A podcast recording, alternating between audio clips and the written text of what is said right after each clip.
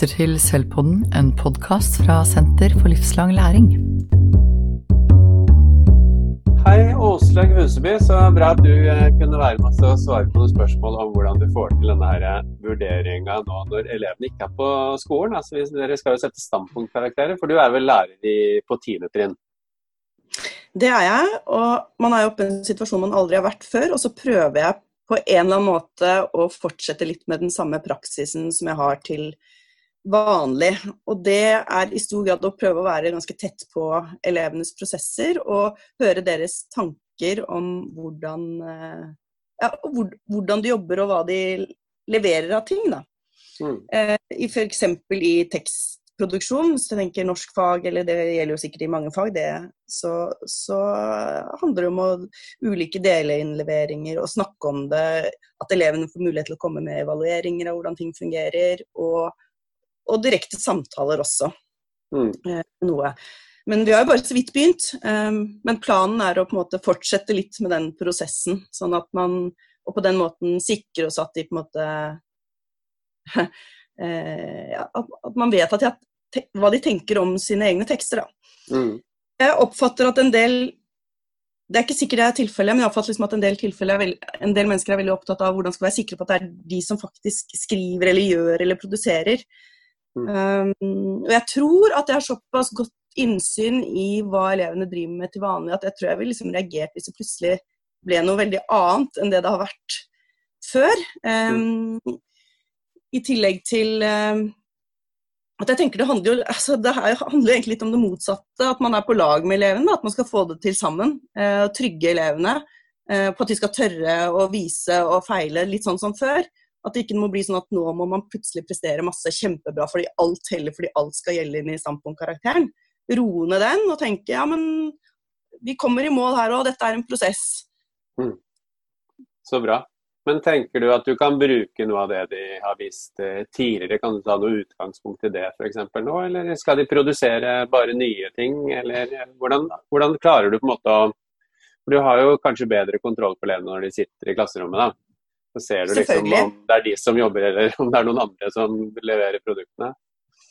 Ja, selvfølgelig. Men jeg kjenner dem også såpass godt, og man, har, med sånn del, altså man deler det opp i mindre oppgaver og forbereder ting og, og, sånne ting. Så det er en prosess, så ville det vært rart hvis noen andre deltok i hele den prosessen. Uh, F.eks. at folk kan punche inn hele bokmålsteksten sin og få noe oversatt til nynorsk etter Da må du, Hvis du plutselig ser en elev som aldri har skrevet feilfritt nynorsk før, så ville jeg da snakka med eleven. da, og Så kan du forklare, eller så kan de lage en, eh, eller så kan de lage en, en video sin, e, med sin egen tekst i 'Explain Everything' eller et skjermopptak og forklare hvordan de har funnet ut av de ulike eh, bøyningsformene og, og, sånne ting. Mm. Og da vil vi fort merke om de ikke, ikke er på track i det hele tatt. Mm. Um, og jeg tror det er som sagt det er viktig å trygge elevene, for jeg opplever at det er flere som er ganske sånn usikre. Eh, og syns dette er skummelt, fordi jeg blir redd for å levere ting. Så jeg tror vi må bare heller Ja. At det, det, at det må være lov å feile, tror jeg nesten er viktigere enn noen gang. Mm. Du har sikkert snakka med elevene gjennom året før du visste at de ikke var på skolen i eh, ja. mars og april. Eh, så har du sikkert snakket med dem om hvordan standpunktvurderingen skal foregå. At de på en måte trener underveis, og så blir det litt mer sånn at de kan forberede seg på en måte helt fram mot slutten og liksom tydelig på hvordan de skal vise sluttkompetansen sin. og sånn, Tenker du at det er blitt veldig annerledes for elevene nå? Må du på en måte starte litt på nytt og forklare hvordan det skal foregå? Um, ja. I de praktiske fagene så er jeg jo litt mer usikker, for jeg har da ma, um, mat og helse, jeg har eh, sal og scene, jeg har musikk. Mm. Og der er det jo større utfordringer fordi at elevene ikke har tilgang til de samme instrumentene som de kanskje trenger. og sånne ting. Så det er, Der er jeg fortsatt en sånn historie tenk, altså i tenkeboksen som syns det er vanskelig. Ja, man kan bruke selvfølgelig, og det tenker jeg selvsagt, man bruker jo ting det beste altså man bruker jo det, det, man vet om elevene allerede, selvfølgelig. Men de må jo få muligheten til å på en måte få vist alt de kan. Og, de, og de har fortsatt muligheter til å utvikle seg. Så det er noe med å gi dem muligheten til det. Og det, jeg ser ikke, det er jo enkelte elever som jeg ikke helt ser hvordan man skal få til det for i de praktiske fagene. Mm. Eller elever som f.eks. har restriksjoner på å lage mat hjemme. ikke sant? Man må ha tillatelse fra det. Man kan ikke kreve at de skal kjøpe inn noen bestemt type ingredienser pga. gratisskoleprinsippet. Mm. Eh, elever som er kjempeflinke til å spille på gitar på skolen, men så har de ikke en gitar hjemme. ikke sant? Eh, det er jo kjipt. Mm. Um, for de har kanskje gledet seg til å øve enda mer og bli enda bedre. ikke sant? Mm. Da tenker jeg at da må man jo kanskje være litt rause, da hvis man ligger sånn på vippen, så tenker jeg men nå må vi være litt rause med de karakterene.